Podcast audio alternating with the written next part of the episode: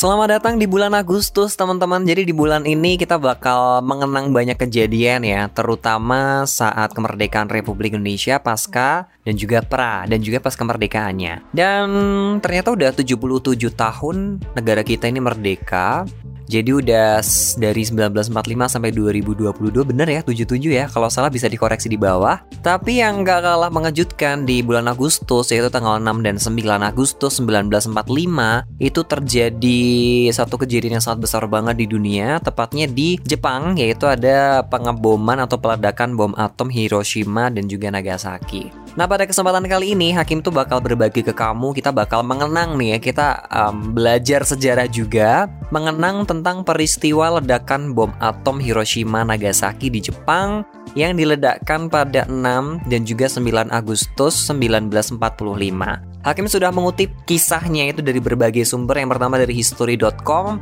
bahwa ternyata sejak 1940 Amerika Serikat itu sudah mengembangkan yang namanya senjata atom. Dan setelah diperingatkan bahwa Nazi Jerman itu telah melakukan penelitian tentang senjata nuklir. Jadi ceritanya mungkin nggak kepengen tersaingi gitu ya. Pada saat Amerika Serikat itu melakukan tes pertama dan berhasil yaitu meledakkan sebuah bom atom di gurun pasir di New Mexico pada Juli 1945 dan akhirnya Jerman telah dikalahkan.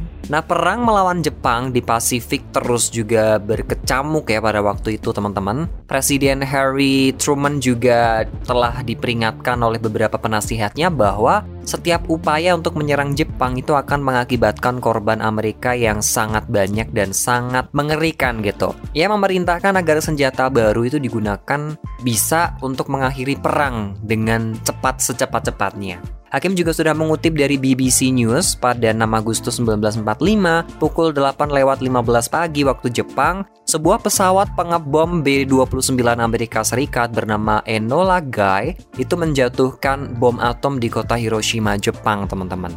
Nah, kehancuran itu adalah yang paling besar dalam sejarah peperangan di mana kota Hiroshima rata-rata bukan rata-rata tapi memang rata dengan tanah akibat jatuhnya bom atom dari Amerika Serikat ini. Sekitar kurang lebihnya tuh 80 ribu orang tewas ya akibat ledakan itu dan 35 ribu lainnya itu terluka. Lebih banyak yang tewas ya 80 ribu dibandingkan 35 ribu. Bahkan setelah kehancuran ini, Jepang tidak menyerah begitu aja nih teman-teman. Tiga hari kemudian, bom nuklir lain Amerika itu juga kembali jatuh di Jepang dan kali ini me menjatuhkannya Amerika itu di kawasan kota Nagasaki, Jepang. Setidaknya sekitar 74 ribu orang itu tewas dalam ledakan bom atom di Nagasaki ini. Terus serangan demi serangan di Nagasaki itu juga sudah menghancurkan sekitar 30% dari kota serta meratakan hampir semua yang ada di kawasan industri. Mereka juga yang selamat menderita luka parah atau sakit yang bener-bener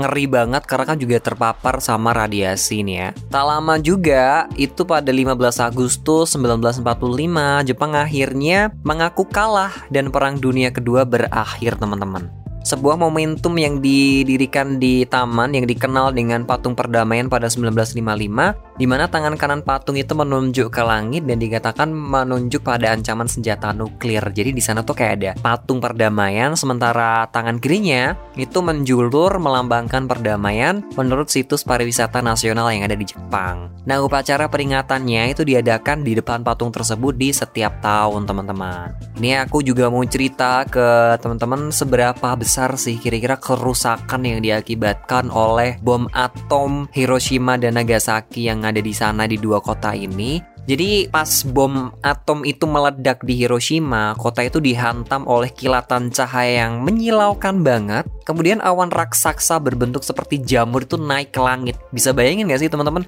Kayak ada sesuatu yang jatuh ke bumi, terus tiba-tiba ada gumpalan yang besar banget, semakin gede semakin gede itu naik ke atas gitu loh. Nah ledakan ini meratakan gedung-gedung di sana dalam radius dua setengah kilometer dari bom tersebut. Ada sekitar berapa ya? 90 ribu ya, 90 ribu bangunan di Hiroshima yang sebelum dibom itu dijatuhkan, tapi hanya 28 ribu yang tersisa setelah ledakan itu terjadi. Gila banget gak sih dari 90 ribu jadi 28 ribu gitu loh. Ya ini yang hitung-hitungannya cepat gitu ya bisa dihitung berapa gedung yang kira-kira udah hancur ya. Jadi sekitar berapa? 70-an ribu kali ya. Atau 60 sampai 70-an ribu gedung tuh hancur karena bom tersebut. Terus juga ribuan orang itu terbunuh dan banyak yang terluka parah. Tapi penderitaan itu tidak berakhir di situ saja loh teman-teman karena itu bukan hanya bom biasa gitu. Radiasi nuklir yang dilepaskan ketika meledak itu menyebabkan orang menderita penyakit yang begitu mengerikan bahkan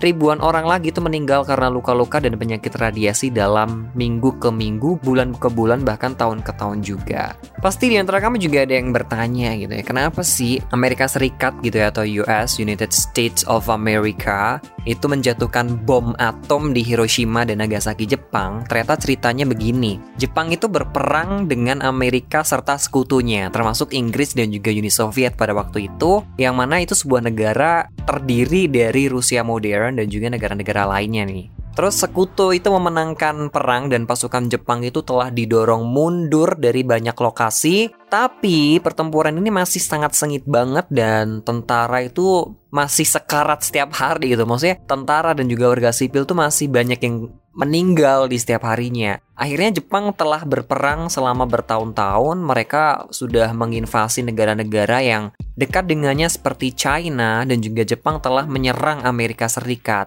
Karena mana pun tentara Jepang itu pergi, akhirnya dikenal dengan kekejaman yang sudah dilakukan oleh tentara-tentara mereka gitu. Mereka memperlakukan tawanan perang dengan sangat buruk juga, termasuk tentara Amerika Serikat dan juga tentara Inggris yang telah menyerah. Presiden Amerika Serikat Harry S. Truman dia mengatakan bahwa ingin kalau Jepang tuh menyerah secepat mungkin sehingga dia bisa menyelamatkan banyak nyawa dan juga banyak orang di dunia ini.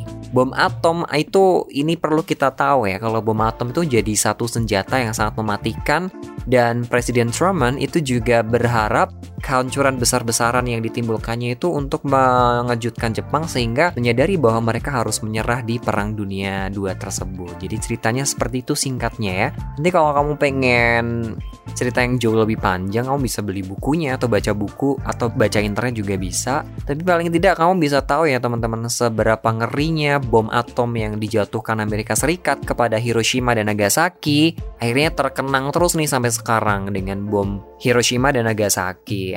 Dan cukup ini dulu sih ya. Semoga tercover gitu ya walaupun cuma seperintilan-seperintilan but I think it's so very important the history yang harus kita tahu dan kita bakal lanjut lagi cerita-cerita selama bulan Agustus ini kayaknya Hakim bakal ngebawain soal kemerdekaan, soal sejarah-sejarah bulan Agustus. Oke okay juga ya. Jadi biar sekalian kita belajar nggak cuma asal ngoceh doang, nggak cuma asal scrolling TikTok atau scrolling YouTube doang, tapi kamu bisa dengerin Hakim di sini di Tribun Style dan kita bakal bahas sejarah-sejarah di bulan Agustus lainnya pada kesempatan berikutnya. Cuci tangan sampai bersih, cukup sekian dan terima kasih.